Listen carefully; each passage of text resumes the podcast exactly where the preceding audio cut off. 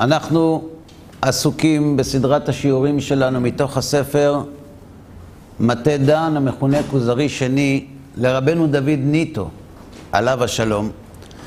בשיעורים הקודמים עסקו החבר והכוזרי בסוגיית יום טוב שני של גלויות ובשאלה מדוע בימינו לא מבטלים את התקנה הזאת ואגב כך עסקו גם, וגם אנחנו עסקנו, בכל עניין התקנות שבטל טעמן, ולמרות זאת לא בטלו התקנות, ומדוע? שהרי ההיגיון מחייב שאם בטל הטעם, צריך לבטל את החוק. אם אין גזוז, אין צורך בחוק הגזוז. ברור, למרות שרוב האנשים לא מבינים על מה אני מדבר. עכשיו אה, אנחנו עוברים לדון בסוגיה מרתקת לא פחות. בסוגיית הקומבינה. ישנה טענה של לא מעט אנשים שההבנה שלהם במשפטי התורה היא בערך כמו בספורט. שאומרים, שמע, הרבנים מסדרים את הכל שיסתדר איך שהם רוצים. שמעתם איזה פעם? כתוב בספרות. שמע, אתה יודע, אז אומרים ככה, תבשל מיום טוב לשבת, תעשה עירוב תבשילין. כשאתם רוצים, אתם מוצאים פתרונות. אז למה כשזה מגיע לעבודות הרכבת בשבת, פתאום אתם נעמדים על הרגליים האחוריות? אי אפשר למצוא איזה, על ידי גוי, אי אפשר למצוא משהו. זו טענה שמשתמשים בה אנשים שאינם אמונים על הסמכות שיש לחז"ל, והם משתמשים בה מבלי להבין את החשיבות העצומה ואת הסמכות הרחבה שהתורה העניקה לחכמים. בכלל צריך לדעת, כשאנשים טוענים טענה, אתה קודם כל צריך לברר על איזה בסיס הוא טוען את הטענה שלו. כי נגיד כשאנשים טוענים, שמע, אה, איפה זה כתוב שאישה צריכה לכסות את הראש? תראה לי איפה זה, סתם זה המצאה חדשה, פעם נשים לא הלכו עם כיסוי ראש. אז אני לא מהיר לענות, אני אומר לו, תגיד, למה זה כל כך חשוב לך איפה זה כתוב? לא, כי זה לא כתוב, הרבנים המציאו את זה. הוא אומר, תשמע, אם הרבנים המציאו את זה, אתה צודק, אבל יש לי שאלה. אם אני אראה לך שזה כתוב בתורה, הוא אומר לי, זה לא... לא קראת את הספר, אני אראה לך, זה כתוב בתורה. מה תעשה? בדיוק, נעבור לשאלה הבאה. זאת אומרת, אתה לא שואל מתוך שאתה מכיר בסמכות של התורה, ואתה רק בא אצל הרב שיורה לך היכן הדבר כתוב. אתה לא מקבל את הסמכות של התורה. ועכשיו אתה בא להתווכח איתי, הוא אומר לי, כן, אני, אני ודאי לא מאמין, אבל אתה לשיטתך, אמרתי לי, לשיטתי, שיטתי ישנה טוב בלילה. אל תדאג לעולם הבא שלי. כשאדם טוען שחכמים עיגלו פינות ועשו חס ושלום קומבינות, מאיפה השאלה באה? זאת אומרת, הוא באופן עקרוני מקבל את הסמכות של חז"ל, רק שמפריע לו שחז"ל מעגלים פינות ולכן הוא רוצה לראות מה המקור של זה, או שהוא לא מקבל את סמכות חז"ל. ועכשיו הוא מתחיל לשאול שאלות. יכול לבשר לכם בחגיגיות. רוב רובן של הטענות ושל השאלות באות מהמקום הזה. לא ש... לא שהן שאלות שבאות ממקום של קבלת הסמכות. תורה היא וללמוד אני צריך, ודאי, זה בסדר גמור. אבל לפני שאתה עונה, אתה צריך לדעת איך לנסח את המשפטים, אתה צריך לדעת מאיפה השאלה באה, על איזה בסיס היא נשאלת. וזה מה שאומר החבר לכוזרי. אחרי שהכוזרי מודה לו, השם אלוהים ייתן לי לשון לימודים, להודיע לכל יושבי חלד תמימות ואמונת חוכמת חז"ל. אחרי כל מה ששמעתי ממך, הלוואי שהשם ייתן לי שפה נכונה ללמד את כל העולם את הדברים הנפלאים שלימדת אותי. זה בדרך כלל מה שקורה לאנשים אחרי שנמצאים בסמינר. זאת אומרת, הוא היה בסמינר, הוא קיבל מינון של אורות ברמות גבוהות מאוד, והוא יוצא משם והוא חושב שהוא הולך להחזיר בתשובה את כל העולם. וזו טעות. כי כשחולה בא לרופא, והרופא נותן לו תרופה שלוקחת לו המחלה בשני רגעים, הוא לא נהיה רופא, הוא חולה שנתרפא. הוא לא יכול להתחיל לרפא חולים. ואז הוא הולך להחזיר את כולם בתשובה, אתם לא מבינים, האמת, שמעתי, אומרים לו, מה, מה, ומה עם זה? לא... בטוח יש תשובה. ומה עם זה? ואז הוא מתחיל להתבלבל. מתחיל להתבלבל, האורות קווים, והוא מחליט שזהו, זה נגמר. הוא, זו, היה, זו הייתה טעות, זאת אומרת, הגיע הזמן לשנות. כן. זה לא עובד ככה. כשאדם מגיע ללמוד תורה, הוא צריך להבין שיותר ממה שהוא למד, הוא לא למד. ואז, גם אם יש שאלות, לא קרה כלום. נברר, נקבל תשובות. לכן, אומר הכוזרי, ייתן לי האלוהים לשון לימודים להודיע לכל יושבי חלד תמימות ואמונת חז"ל, ברוך חונן הדעת ליראיו, וברוכים הם להשם אשר בצדקתם וביושר לבבם עשו סמוכות לתורה, והורו לעם בני ישראל דרך ישר לא ייכשלו בה. בקיצור, שכנעת אותי. איפה תורמים? אמר החבר, וכאן נמצא היסוד שאיתו פתחנו.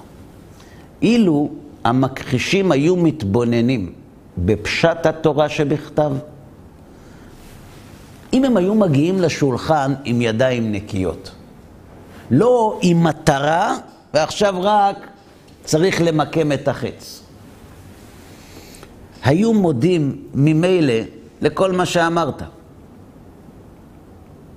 אמנם הם עשו כל מאמצי כוחם להתרחק מקבלת חז"ל, מבלי שיפתחו עיניהם לראות שצללו במי המבוכה וטבעו במצולות הקושיות והמחלוקות ואין מושיע. או כמו שכותב הרמב"ם, באו המדברים להוציא הקדוש ברוך הוא מחיסרון קטן והכניסו אותו בחיסרון גדול. על מה אומר החבר? היו מודים ממילא לכל מה שאמרת. מה אמר הכוזרי? הכוזרי אמר, שמע, החוכמה של חז"ל היא דבר מדהים. אז אם החוכמה של חז"ל היא דבר מדהים, למה לא כולם רואים את זה? אם יש אור, כולם רואים? אם לא כולם רואים, צריך לבדוק אחרי האור הזה, ולפעמים הוא מסוכן מאוד. אז אם באמת הכוזרי צודק, והקדוש ברוך הוא חונן דעת ליראיו, והחכמים היו כל כך חכמים, אז למה לא כולם רואים את זה? לא מסתכלים אומר החבר מסיבה פשוטה. הם קודם כל יראו את החץ, אחר כך ציירו את המטרה.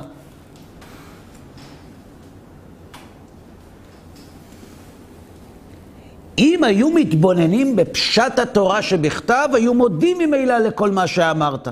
אבל הם עשו כל מאמצי כוחם להתרחק מקבלת חז"ל. זה, זה כמו בפוליטיקה.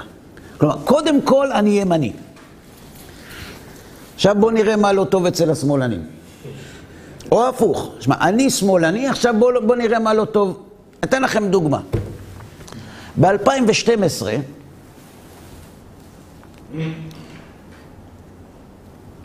עיריית מודיעין החליטה לאסור על כניסה של תושבים שאינם תושבי מודיעין לפארק ענבה. זהו, זה מודיעין למודיעינים. ולא למי? לכל השאר. שכל השאר זה בעצם הילדים של קריית ספר, שהם חרדים. ואפילו הייתה מצוטטת איזו, איזו אישה מהעיר, שאומרת שהיא 15 שנה כבר גרה פה, אבל היא יותר לא הולכת לפארק הזה, מה, הם לקחו לנו את כל הנדנדות וזה, ולא מתאים לנו. ואפילו איזה אחד ששייך לאיזו מפלגה שחרדים לא תמיד מצביעים לה, אמר ש... ש... שהגיע הזמן להפסיק להשתמש במילים של שלום וסובלנות, מישהו צריך לפתור את הבעיה הזאת. זה קרה עוד פעם, לפני שנה בגבעת שמואל. כשעיריית גבעת שמואל החליטה שבחודש אוגוסט למשך שלושה שבועות, מסתוריים ביותר, שבמקרה חלים בימי החופשה של הילדים של התלמודי תורה של בני ברק, יחלקו למשפחות בגבעת שמואל כרטיסים חד פעמיים לכניסה לגני השעשועים בגבעת שמואל, שייסגרו רק לטובת תושבי גבעת שמואל. וזה לא שזה משהו נגד החרדים, זה בעד תושבי גבעת שמואל. וזה בכלל לא קשור לבני ברק, זה רק למשך שלושה שבועות. שבמקרה נפלו באותם שלושה שבועות שהילדים החרדים בחופש. תגידו לי, אתם שמעתם על זה? לא שמעתם. לא, לא, לא שמעתם על זה. לא, איך הגעת לגרמניה? תשאיר את גרמניה על דברים יותר קשים. לא שמעתם על זה, נכון? אבל בטח שמעתם על מה שקרה בעפולה. כן. אה. בעפולה, עיריית עפולה החליטה לסגור את, ה, את המתקנים הציבוריים, את הגנים בעפולה, רק לתושבי עפולה. למה? לא שיש להם משהו נגד ערבים. מה פתאום? זה כל תושבי המדינה לא יכולים להיכנס, לא רק הערבים מהאזור. אז למה שמעתם על זה? מכמה סיבות. קודם כל כי זה ערבים ולא חרדים. דבר שני, כי תחקירניות של כל מיני ערוצי חדשות יצאו לבדוק את השטח. דבר שלישי, בגלל שהיועץ המשפטי לממשלה אמר שהוא רוצה, זאת אומרת, הוא רוצה לבוא לבית משפט לעניינים מנהליים לייצג את העמדה של המדינה ולבקש להוציא צו נגד העירייה. והסיבה האחרונה שבגללה שמעתם על זה, זה בגלל שבית המשפט לעניינים מנהליים החליט שההחלטה הזאת לא חוקית. רק יש לי שאלה קטנה, בשביל מה בית משפט לעניינים מנהליים צריך להחליט שההחלטה של עיריית עפולה לא חוקית, אם כבר בגבעת שמואל ובמודיעין בית המשפט לעניינים מנהליים קיבל החלטה שזו לא החלטה חוקית, והתשובה היא, בית המשפט היה צריך להשתמש בעפולה כדי להגיד שההחלטה לא חוקית, כי בעניין גבעת שמואל ובמודיעין הוא לא החליט. והשאלה היא למה. אתם יודעים למה? הרי, הרי כולנו נגד גזענות. אין מחלוקת, גם בימין, גם בשמאל, כולנו נגד גזענות ונגד אפליה, אין ספק בכלל. רק שזה מתחלק. יש כאלה שדואגים לחרדים, ויש כאלה שדואגים לערבים. כי אם כולם ידאגו רק לערבים, מי ידאג לחרדים? ואם כולם ידאגו לחרדים, אז מי ידאג לערבים? לכן צריך לדאוג למיעוטים. רק שאתה לא יכול לדאוג לכולם, אז כל אחד דואג לקבוצה אחרת. הבנתם איך זה עובד? ככה. זאת אומרת, אני שמאלני, לכן אני דואג למיעוטים, אה, למיעוט. אני ימני, לכן אני נגד מיעוטים. זאת אומרת, נגד מיעוט. ובעד מיעוט אחר. זאת אומרת, אני קובע, כולם יש להם ערכים, אבל מעניין שהערכים תמיד צפים, זאת אומרת, קודם כל סימנתי את המטרה, אחר כך יריתי, קודם יריתי את החץ, אחר כך סימנתי את המטרה. אותו דבר גם פה. אני טוען שחכמי ישראל לא יגידו לי מה לעשות. אין להם בכלל סמכות. עכשיו בואו נדבר על זה. תראה, חכמים אמרו כל מיני דברים, תשמע לך הגיוני? תגיד לי, ואם זה היה הגיוני, היית מקיים? לא, מה פתאום? שמישהו אחר ידאג לחרדים. חוץ מזה, מישהו צריך ללמד את החרדים עד כאן, הגיע הזמן.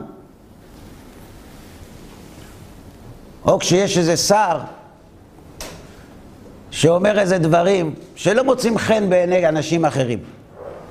אז צריך לפטר אותו מיד. למה הוא חשוך? הוא לא נאור, הוא מפלג, הוא מדינת הלכה, הוא אנטי, הוא מסוכן. צריך לפטר אותו. הוא דיבר נגד. האמת, בזכות הרב רפי פרץ, אני מבין למה חרדים לא הולכים לצבא. אני רק אסביר לכם, זה קצת מסובך, אבל אחרי שיעור זה, זה עובד טוב, תקשיבו.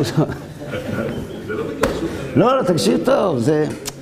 צריך קצת לשים את הראש, אבל אפשר, אפשר להבין. מי שירצה יבין, זה, זה באמת ככה, יש סיבה. זה לא סתם שחרדים לא הולכים לצבא כי הם פרזיטים, יש להם סיבה.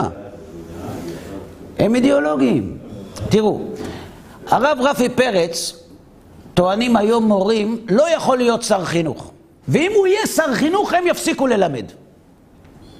למה? כי הוא חשוך, כי הוא פרימיטיבי, כי הוא אנטי, כי הוא נגד, כי הוא מפלג, כי הוא לא שוויוני, כי, כי, כי, הוא, כי הוא איש מסוכן. אז אני אומר, אם הרב רפי פרץ לא יכול להיות שר חינוך כי הוא איש מסוכן, רב ראשי לצה"ל הוא יכול להיות? הוא לא יכול. ואם הוא היה רב ראשי לצה"ל, ברור למה החרדים לא הלכו לצבא. כי, כי מה, לחרדים מגיע פחות ממה שמגיע לילדי ישראל? אם לילדי ישראל מגיע שר חינוך יותר טוב מהרב רפי פרץ, למה לחרדים מגיע רב ראשי כמו הרב רפי פרץ? הבנתם את הבעיה? לכן יש פה גזענות. למה לחרדים אתם נותנים פחות מלחילונים? אבל כבר למדנו שגזענות זה לא קשור לחרדים. זה קשור רק למיעוטים, ולא לחרדים. הבנתם איך זה עובד? אז הנה הספר הזה מלמד שהיו דברים מעולם. אין חדש תחת השמש.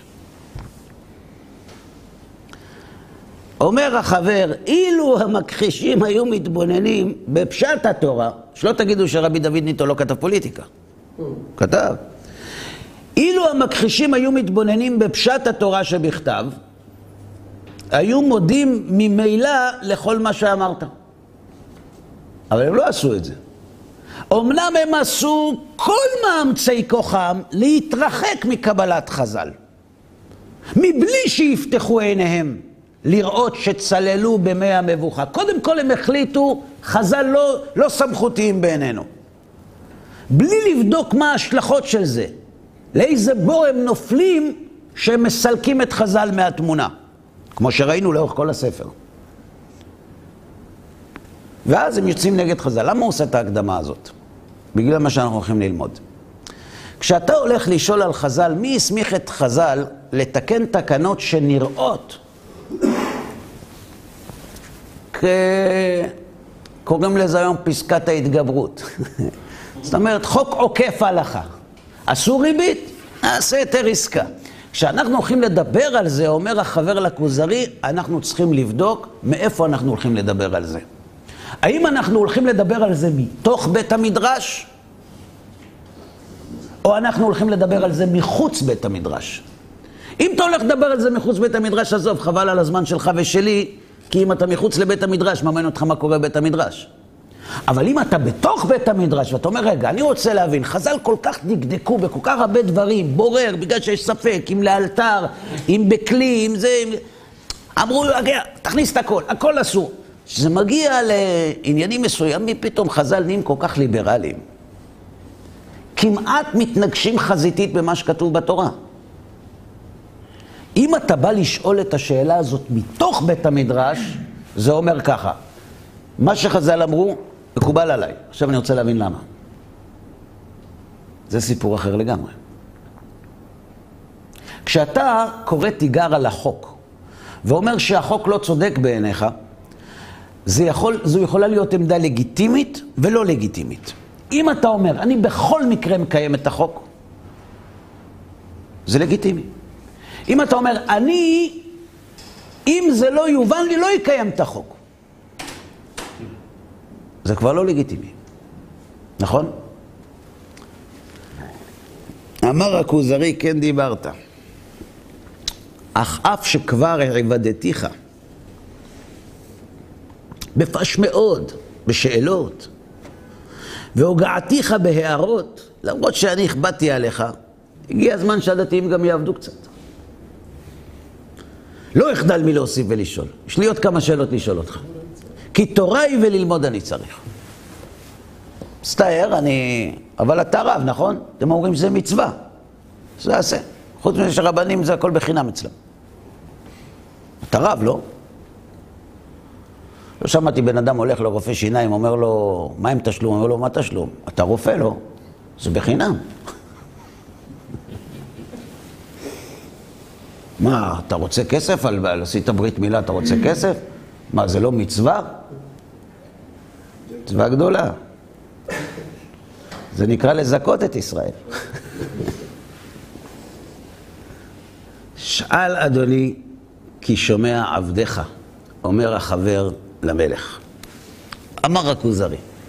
שאלה קשה, זו לא שאנחנו עושים קצת ככה זה, כדי שזה ייכנס טוב לנעל, אבל זו שאלה קשה. חז"ל החמירו בעוון ריבית. מאוד. ואמרו שחמישה לווין נאמרו בו, ושעוברים עליהם המלווה והלווה. זה לא מעניין אותנו אם הלווה מוכן לשלם ריבית. גם אם הוא מוכן לשלם. אסור. ולא רק המלווה והלווה עוברים על איסור ריבית, והערב והעדים. כל אחד לפי מה שעסק בו. ואיסור הלוואה בריבית הוא איסור חמור מאוד. אגב, כתוב בתורה, מותר לקחת ריבית? אה? לא, יש תנאים, תלוי. לא, בתורה מה כתוב? מיהודי רק? מה מיהודי? מה זה הגזענות הזאת? אסור לקחת ריבית. ממי אסור לקחת ריבית? מיהודי. ומגוי? בבקשה. הנה בבקשה, מה... מה, מה תגיד? אתה בחרתנו, זאת אומרת, מה תגיד? זה גזענות, נכון? תשובה. תגידו לי, עזבו עכשיו מה כתוב בתורה. לקחת ריבית זה לא מוסרי. בא בן אדם, אומר לך, תשמע, אני רוצה שתלווה לי כסף. למה? רוצה לעשות עסקים. רוצה לעשות כסף. תלווה לי. אתה אומר לו, אבל אני רוצה חמישה אחוז. אומר לו, מה חמישה אחוז? מה, אי אפשר לעשות טובה כבר? אומר לו, תראה, אם אתה רוצה טובה, אני אתן לך תפוח, אתה, אתה בא איתי בכסף. כסף זה עסקים. מה זאת אומרת עסקים? לקחת ריבית, זה מוסרי או לא מוסרי? כן, אבל אין את הסיכון שאתה תפסיד את הכסף. אתה לא מפסיד את הכסף, אתה מלווה, יש ערבים, הכסף בטוח. יש ערבים, קבלנים, הכסף בטוח. יש צ'ק בנקאי מופקד עירבון. זה מוסרי או לא מוסרי? אה? למה זה מוסרי? מה זה ביזנס? אתה אה? רוצה כסף, עושה כסף אחר. בדיוק. אתה רוצה, אני הזעתי על הכסף הזה. כן, יש לי צווארון לבן, אז הזעתי עליו. ואני עבדתי קשה על הכסף הזה. ואתה רוצה שאני אתן לך את מה שעבדתי עליו, כדי שאתה תעשה איתו כסף אחר. ותחזיר. בטח תחזיר. זה לא מוסר. למה זה לא מוסרי? הוא מחזיר לו את אותו סכום. אז מה? הוא יכול לעשות מהכסף הזה כסף אתה אחר. עושה על הכסף שלו כסף. אני, אני אגיד לך, תשמע, אני יש לי פה מיליון דולר. אני יכול לשים את הכסף בבנק, לקבל אלפיים דולר. בסדר?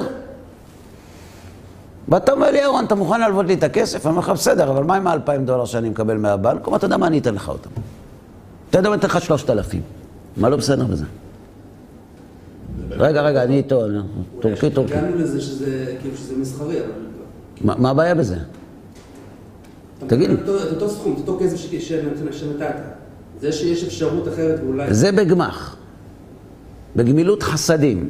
אתה בא לגמ"ח, אתה 500 דולר, מחזיר 500 דולר, בסדר. אבל אני לא גמ"ח, אני עושה, אני ביזנס, אני עושה עסקים. אני מלווה לך, במקום שאני ארוויח, אתה מרוויח.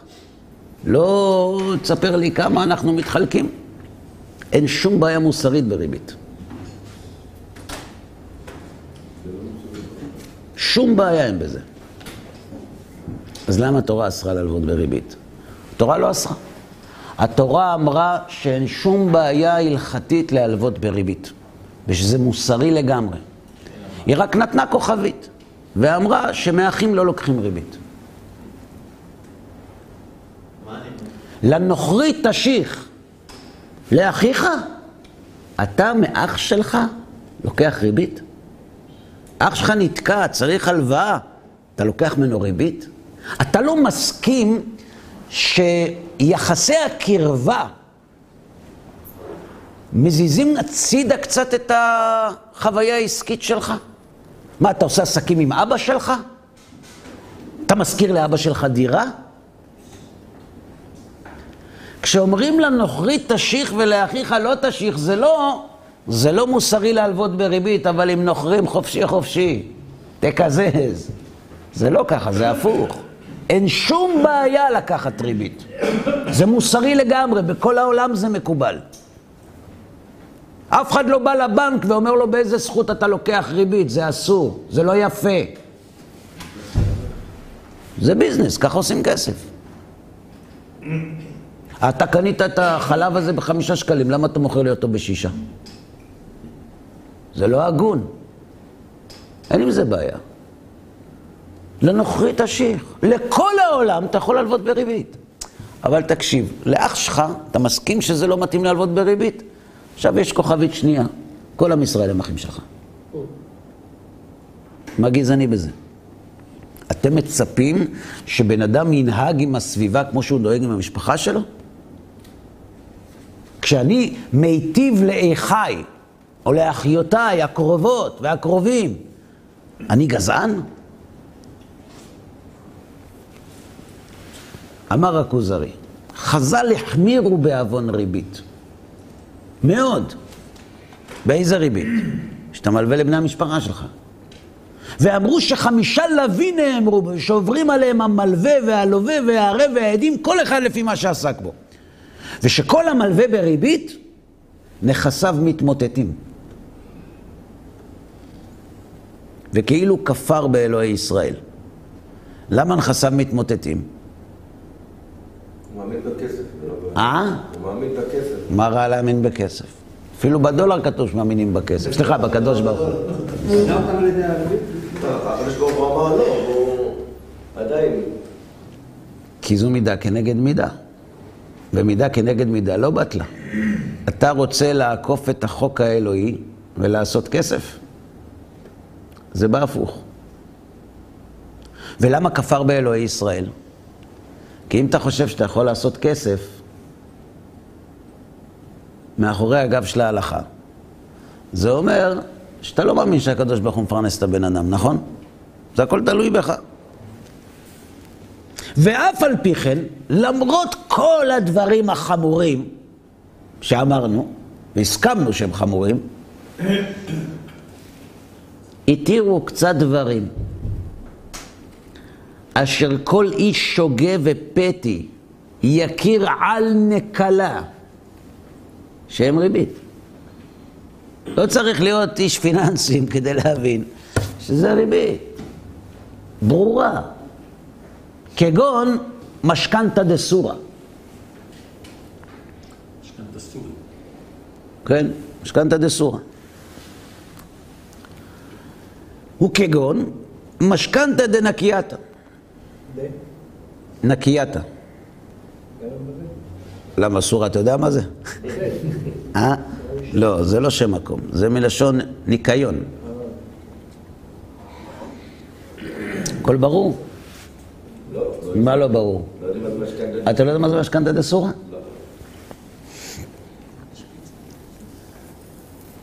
מה זה משכנתא דסורא? בא ראובן לשמעון, אומר לו, שמעון הוא איש עשיר, ראובן פחות. אומר לו ראובן לשמעון, שמע, יש לי בית, קח אותו, תשתמש בו, עשרים שנה, אני רוצה על זה עשרת אלפים דולר. בסדר? תן לי עשרת אלפים דולר, ותשתמש בבית שלי עשרים שנה. יש עם זה בעיה? לא. לא. הנקודה היא שהבית הזה עשרים שנה, העלות לשכור בית כזה לעשרים שנה זה חמישים אלף דולר. והוא תמורת הכסף שקיבל, קיבל עשרת אלפים, נכון? כמה הוא מחזיר לו? חמישים. זה לא ריבית. במשלם שנין אילן תיפוק הרעה זו בלא כסף. זאת אומרת, הם מסכמים ביניהם, יש נוסח, מסכמים, בעוד עשרים שנה הנכס הזה חוזר אליי בלי תוספות. כלומר, הוא נותן לו את הבית ל-20 שנה, בסכום מצחיק, ובתמורה לזה, האיש גר 20 שנה בבית שהעלות של שכירות כזאת היא פי חמש. מה, זה לא ריבית? הפוך, לא? פחות, לא יותר. כן, כן. מה? מה פתאום? אני נותן לך, אני לקחתי ממך עשרת אלפים, כמה נתתי לך? חמישים. לא מחלה, כאילו זה לא כסף לכסף, זה טובת הנאה מה שנקרא. זה גם ריבית. טובה טובה. בסדר. זה שווה כסף, מה זאת אומרת? אבל למה מחזור 50 אנשים? למה? 20 שנה לגור בבית שראובן נותן לשמעון זה 50 אלף דולר. תרם לו. שיזדכה על זה לפי סעיף 46, אם הוא תרם לו. תרם לו. אם מוכרים היום בחצי מחיר אה, מוצר שהוא עולה כפול, זה מה, זה ריבית? זה משכנתה בסורה. בואו נראה. כותב השולחן ערוך בהלכות ריבית.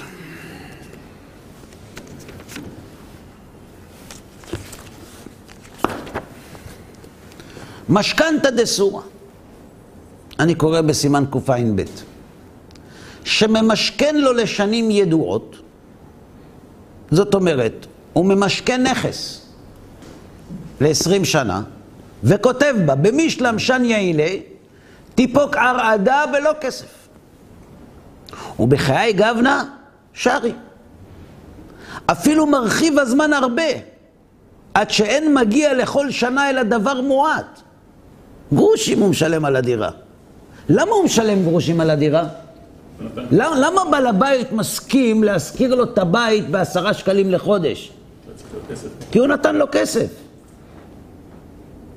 אז הוא על הכסף שהוא נתן מקבל תמורה לא ריאלית. בוא נראה מפתח.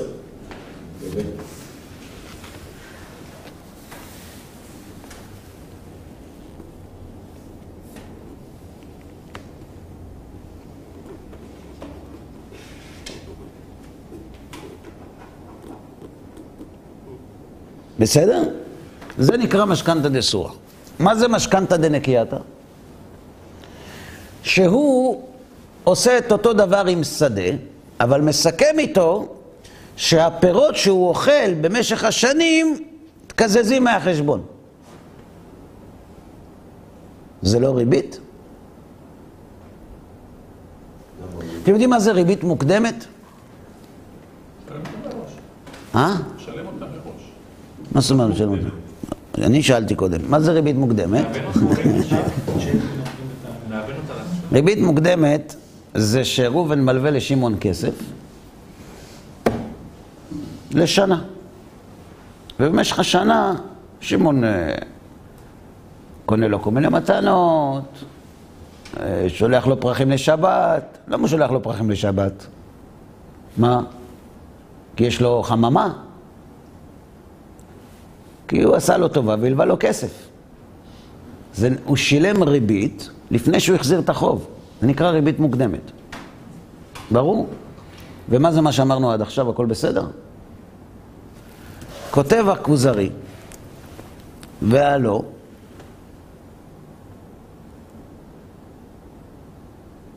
זה אחד מדרכי המשכנתה, מה שדיברנו על משכנתה דסורא. שומו שמיים על זאת. והלא זהו ריבית גלויה ומפורסמת, שהרי לסוף עשרים שנה באו לידי שמעון 200 סלעים, מהקרן ומהרווח. ואיך התירו חז"ל דבר כזה? והנה כל העם צועק במרה לאמור, אין זה כי אם הערמת חז"ל. לקח ריבית באופן נסתר ונעלם. שאל ייקרא שמו עליו. זה קומבינה. אבל אין בידם להסתירו, זה סוף שמעון הלווה מאה ונטל מאתיים. והמאה העודפים על המאה שהלווה הוא כולם ריבית. והוא הדין במשכנתא דנקייתא. וכן מה שאמרו, תקשיבו טוב, מלווה אדם לחברו מאה על תנאי, שיתעסק בהם לרווח. זאת אומרת, ראובן בא לשמעון, אומר לו, קח, קח מיליון דולר, תעשה עסקים. עד שיהיו שני מיליון. ויהיו באחריות המלווה עד אותו זמן, וכשיהיו שני מיליון, יחזרו למלווה, ומשם ואילך יהיה כל הרווח ללווה. ובלבד שייתן לו שכר עמלו עד שיהיו 200. זאת אומרת ככה, הוא אומר לו, תקשיב, אני נותן לך מיליון דולר. תעבוד עם זה, כשזה יהיה שני מיליון, תחזיר לי, ומאותו זמן, מה שתרוויח מהשני מיליון והלאה, זה שלך. אבל יש תנאי. יש פה ריבית, יש פה תנאי. שכל אותם שנים, עד שנהיה שני מיליון, הוא צריך לשלם לו משכורת כאילו. כאילו הם שותפים. כאילו. למה כאילו? באמת הם שותפים. באמת שותפים, בטח שותפים. זאת אומרת, הוא מלווה לו מיליון, אומר לו, תשמע, אני זקוק להלוואה. אומר לו, תשמע, אני לא מלווה סתם. אני מלווה מיליון, רוצה שני מיליון. אומר לו, טוב, אבל בתנאי שבמשך השנתיים, עד שאני מחזיר לך את הכסף, אתה משלם לי 20 שקל לחודש על זה שאני עובד בכסף שלך בשביל... אנחנו שותפים הרי, נכון? אתה לא משקיע כלום, אתה רק שם כסף. אני עובד קשה, נכון? אז uh, אתה צריך לשלם לי משכורת שאני עובד. תשלם לי עשרה שקלים לחודש, והכל טוב. למה אין שותפות של מישהו שמביא את הכסף ומישהו נותן את המלך יד, זה לא שותפות? זה שותפות.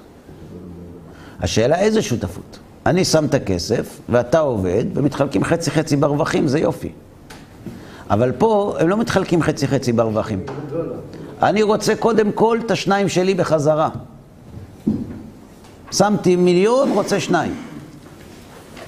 ואז מה שתעשה מאז והלאה, אני, אני כבר לא שותף פתאום. מה זה?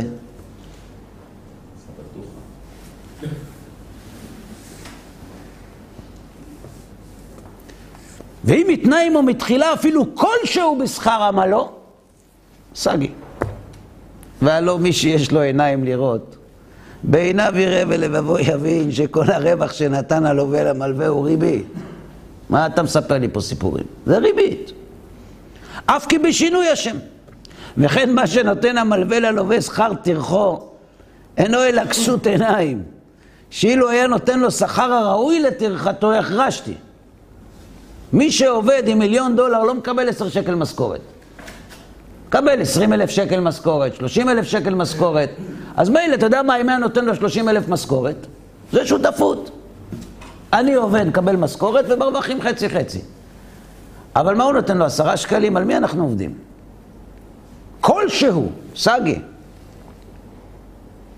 אבל אם יתנאי עמו מתחילה יכול לתת לו שווה פרוטה על תורך ששווה מאה זהובים, וכן לא יעשה. איך אתה מסביר את זה? האמת, יש כאן קושייה עצומה. קודם כל, השאלות הן במקום, אי אפשר להתעלם. זה קשור לזה שהלווה מיליון. אם הוא היה לו מיליארד דולר רק מיליון, יש הבדל בין אם לו ממש קרוב למיליון שקל. אתה אומר, אם יש לו מיליארד והוא מיליון, זה לא נורא. לא, אם היה לו מיליארד שקל נגיד, הלווה מיליון, יש הבדל בין אם היה לו נגיד מיליון ומאתיים אלף, ונתן למישהו מיליון. יש הבדל. למה יש הבדל? נכון, אף פעם לא היית מיליונר? בגלגול. נכון? לא, גלגול קודם לא מדברים. לא היית מיליונר, אתה יודע למה? אם היית מיליונר לא היית טוען את הטענה הזאת. כי אם היית מיליונר היית יודע לא... לא- שמיליונר אוהב את הכסף שלו הרבה יותר ממי שיש לו קצת. ומיליארדר אוהב את הכסף שלו הרבה יותר ממי שיש לו מיליון. מה הראייה שלי? אתה בא לבקש צדקה מאברך, נותן לך 50 שקל. אתה בא לבקש צדקה ממיליונר, אומר לך, כבר תרמנו. הכל לגופו. רק שכל הגופים דומים.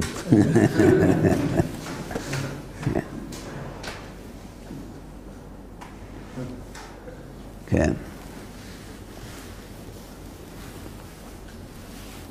יש פה קושייה עצומה.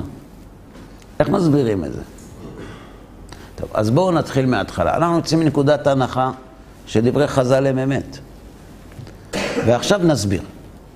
כלומר, נקודת המוצא שלנו חייבת להיות פשוטה. שמה שחז"ל אומרים זה נכון. עכשיו, למה אני אומר את זה? קודם כל כי אני דתי, אבל יש עוד סיבה. מי שמכיר את חז"ל ואת הפסיקה של חז"ל, ויודע עד כמה חז"ל נזהרו בדקדוקים של הלכה. ספקות הכי קטנים, מחמירים, יש לחץ, יש מתח באוויר. פתאום הם מגיעים לכזה מקום, זאת אומרת, יש חוסר פרופורציה ב- ב- ב- בין החלקים השונים של התורה. פה אומרים לך, תעשה ככה, תעשה הכל בסדר, ופה שואלים אותך... זאת אומרת, אם בן אדם, אתה רואה שהוא ירא את דבר השם, ומחבב את דבר השם כל כך, גם כשאף אחד לא רואה. אם רבי עקיבא מוכן למות בבית הסוהר כדי שלא לעבור על דברי חבריו, לא על דברי תורה, אז זה מעיד שדברי תורה חביבים על חכמי ישראל. איך ייתכן שאדם שכל כך מחבב את התורה, ברגע שזה מגיע לאיסור כל כך חמור כמו ריבית, עושה סיבוב כזה? יש, יש, יש פה אמת המידה לא זהה. ואם למרות חיבוב המצוות ויראת החטא, חז"ל אומרים שזה בסדר, כנראה יש להם הסבר משכנע. עכשיו רק צריך ללמוד אותו. עכשיו, מי שנקודת המוצא שלו היא הפוכה, חז"ל לקחו לעצמם סמכויות ועשו מה שמתחשק להם. אז יכול להיות שאחד מהחכמים היה לו ביזנס של בנק רוטשילד, אז הוא סידר את ההלוואות שיהיה בסדר. אז מי שמתייחס ככה, זה סיפור אחר. אבל מי שמתייחס ככה, בכלל לא צריך להתעניין בחז"ל. אלא אם כן הוא פרופסור לתלמוד, ואין הרבה. אמר החבר, הוא הולך בדרך אחרת. אנחנו הלכנו בדרך של הפרופורציות, נכון? אבל החבר הולך בדרך אחרת. הוא אומר ככה, אמר החבר, הוא עוד לא עונה לו, אילו אלו המעשים שקוראים הערמות, הערמה, היו מותרים לחכמים בלבד, ולא לכל ישראל בכלל, או אם החכמים לבדם היו עשירים, ושאר כל אדם עניים, גם אני הייתי מטה אוזני לדברי המלינים. כלומר, הייתי קומוניסט. זאת אומרת, אם כל הרבנים היו שייכים למעמד המעסיקים, וכל השאר היו הפועלים, הייתי מסכים שהם סידרו לעצמם פנסיה שמנה. דאגו לעצמם. והייתי מטה אוזניי לדברי המלינים, והיינו יכולים לחוש שמא המציאו הדינים בדרך זו להנאתם ולטובתם. אבל אינו כן. כי אדרבה, כפי מנהגו של עולם, לא, לחכמי, לא לחכמים לחם, וגם לא לנבונים עושר. ואפילו תמה שיהיו כולם רובם או רובם עשירים, לא הועילו כלום לעצמם בסדר, בסדר המדין כך. כי תורה אחת ומשפט אחד לחכם ולאדיוט. אבל המונם, שאינו יודע בטיב חילוקי הדינים, אם רואים תלמיד חכם שמרוויח באופן שאמרתי דרך משכנתה או עסקה, ישאגו ככפירים נגדו ויאמרו עליו שהוא בעל ריבית. ואינם אלא דברי טיפשות. שאם ישאל לחכם יורהו שמה שהוא עושה הוא היתר גמור, ושהוא יכול לעשות כמותו אם ירצה. כאשר הוריתי פעמים רבות, כותב רבי דוד ניטו על עצמו, לאנשי מעשה אשר שאלוני כדעת מה לעשות באיזה עסקים הבאים לידם שלא להיכשל בעוון ריבית. אומר כאן טענה כזאת. אם החכמים, פוסקי ההלכה, היו העשירים וההמון היו העניים, היינו אומרים, יכול להיות שהם דואגים לעצמם. אבל זה לא נכון. כי רוב חכמי ישראל לא היו עשירים. עכשיו, אם רוב חכמי ישראל הם לא עשירים, התקנה הזאת של עסקה ושל אה, משכנתא דסורא, זה מועיל לעניים? מה היה קורה אם החכמים היו אומרים, אסור לקחת ריבית בשום אופן? זה יותר משתלם לעניים, נכון? למה לא היו נותנים הלוואות? אבל יש מצווה לתת צדקה, להלוות כסף, אחיך וכולי, לא? לא נותנים. טוב. אז יכול להיות שחז"ל סידרו, אתה אומר סידרו בשביל שבכל אופן, הבעיה היא שאם אתה מסדר דבר כזה לעניים, אתה מסכן אותם. כמה אנשים לקחו הלוואות בריבית, ואחרי זה היו צריכים למכור את מה שאין לנכדים שלהם.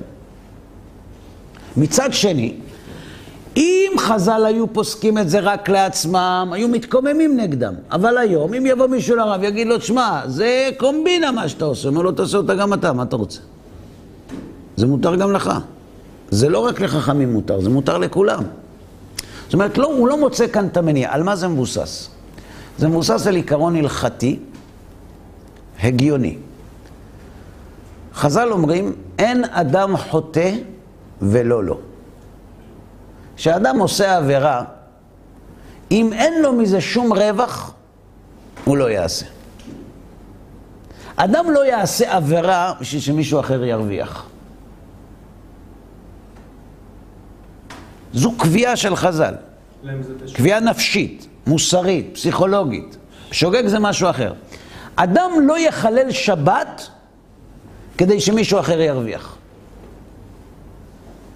אדם לא יגיד שמותר ללוות או להלוות בריבית אם לא יוצא לו מזה כלום. אדם לא ילך נגד החוק אם הוא לא מרוויח מזה משהו. אם יבוא איש ציבור ויגיד לעובד שלו, תשמע, תעבור על החוק, תעבור על החוק. ואם יתפסו אותך, תשב בבית סוהר ותגיד שלא דיברנו. ואני לא אכיר בך, הוא יעשה את זה? הוא לא יעשה את זה. למה הוא לא יעשה את זה? אני פראייר שלך? אתה רוצה שאני אעבור על החוק ואתה תשב בבית ואני אכנס בפנים? זה לא עובד ככה. אין אדם חוטא ולא לו. אם חז"ל, חס ושלום, פוסקים נגד התורה, והם לא העשירים, אז מי מרוויח מזה? הם? וגם אם יש ביניהם עשירים, אי אפשר להאשים אותם שהם מצאו זאת לתועלתם, שהרי גם החכמים העניים הסכימו איתם, והם אומרים לכולם, תעשו כן גם אתם. אין שום בעיה. מה שצריך להסביר זה למה זה באמת לא ריבית. למרות שזה נראה כזה. ברור? אז לפני שאנחנו, בשיעור הבא בעזרת השם, נסביר את הסוגיה יותר לעומק, אני רוצה לסיים עם משהו שאיתו נפתח את השיעור הבא. כן, מה רצית לשאול? מה לא ריבית למרות שזה נחשב ריבית? מה? מה לא ריבית למרות שזה נחשב ריבית? לא הבנתי. היתר עסקה. אני נותן לך, אני נותן לך דירה ששווה איקס, אני נותן לך כסף, רוצה כפול, ולמרות זאת זה מותר. אה, בסדר? כן, אז זה לא ריבית. אם זה, אם זה אסור זה ריבית, או אם זה ריבית זה אסור. אה, זה לא ריבית. זה לא? לא. מה שקובע זה ההלכה, המציאות לא מעניינת אותנו. כן?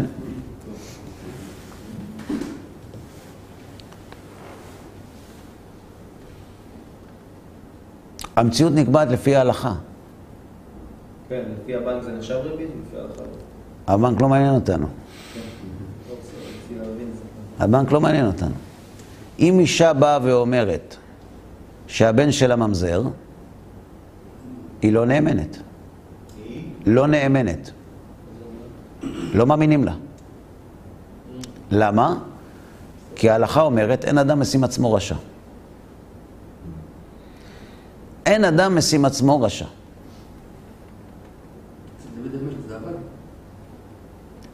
אתה עכשיו שואל על חז"ל? בסדר, אתה יכול לשאול. אני קודם כל אומר מה ההלכה. אין אדם משים עצמו רשע. לא מאמינים לו.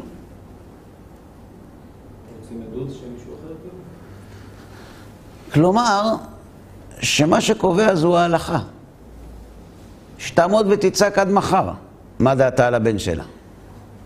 זה לא מתן של פסולה לעדות? לא קשור, אני לא מדבר, אני נתתי רק דוגמה. אני לא מדבר כרגע אם, הדוגמה הזאת היא הלכתית או לא הלכתית. תן דוגמה. אבל למה רשע? זה לא כנות. מה ההשלכות של ההודעה הזאת? אשת איש שזינתה, נכון? כן, אבל היא נשארה עם עצמה. אשת איש שזינתה, נכון? לא מאמינים לה. זה הכל. זה? לא, עכשיו אתה מתחיל לחפש לי קושיות של מה נשתנה. אני, אני נתתי לך רק דוגמה כדי להסביר שמה שקובע את המציאות בעיניו של היהודי שומר המצוות זה מה אומרת ההלכה. לדוגמה, היה מקרה ששני אנשים הלכו לרב, אני מכיר את הסיפור, שני תלמידי חכמים הלכו לאחד מגדולי הדור. כי הם רצו לעשות שידוך בין בחור לבחורה, שזה למד במוסד שלו וזו למדה במוסד שלו. והיו להם כמה שאלות לגבי השידוך הזה. אז הם באו לשאול את הרב על זה ועל זה ועל זה, הוא אמר להם, זה בסדר, אפשר להציע את השידוך הזה. שמע את הצדדים. ואז הם יוציאו, רגע, לא אמרנו את הדבר הכי חשוב. חזרו אליו, אמרו לו, יש עוד נקודה אחת שכחנו להגיד, שזה הכי חשוב. והכי חשוב הזה היה משהו בקשר לכשרות של הבחור. זאת אומרת, שיש בעיה בילד הזה, מבחינה הלכתית. אין כאן מה להוסיף. שמע, אמר להם, זה, זה, זה, בכלל, לא, זה, זה בכלל לא שיקול, שייפגשו. אמרו לו, מה זה לא שיקול? זה השיקול הכי חשוב. הוא אומר, מבחינת ההלכה זה לא קיים. זאת אומרת, מבחינת ההלכה זה לא קיים. אין עדים. אם אין עדים, זה לא קרה. תתקדמו. ככה פוסקים הלכה. חברים יקרים, אני רוצה לסיים רק עם נקודה אחת ברשותכם, ונאלץ להיעזר בסבלנות כדי לפתור את הסוגיה עד הפעם הבאה. בינתיים אל תלוו ואל תלוו, שלא יהיו בעיות. אמר פעם, אחד משופטי בית המשפט העליון, שהיה איש חכם, אמר, מה ההבדל בין פרצה בחוק האלוהי לפרצה בחוק האנושי? כשיש לקונה בחוק, למה זה? כי המחוקק לא מספיק חכם. לא חשב על כל הפרטים. בדרך כלל הגנבים יותר חכמים מהשוטרים. והעבריינים יותר חכמים מהמחוקקים. לכן הם מנצלים את הפרצות שיש בחוק כדי לעשות את מה שהם רוצים בלי שתעניש אותם. ואז תפקיד המחוקקים זה לזנב בהם ולחוקק חוקים משלימים, קוראים לזה סעיפים ותת סעיפים ותקנות לתקנות, כדי לסתום את החורים. זאת אומרת, הפרצות בחוק האנושי נובעות מקוצר המחשבה של המחוקק. כשיש פרצה בחוק האלוהי,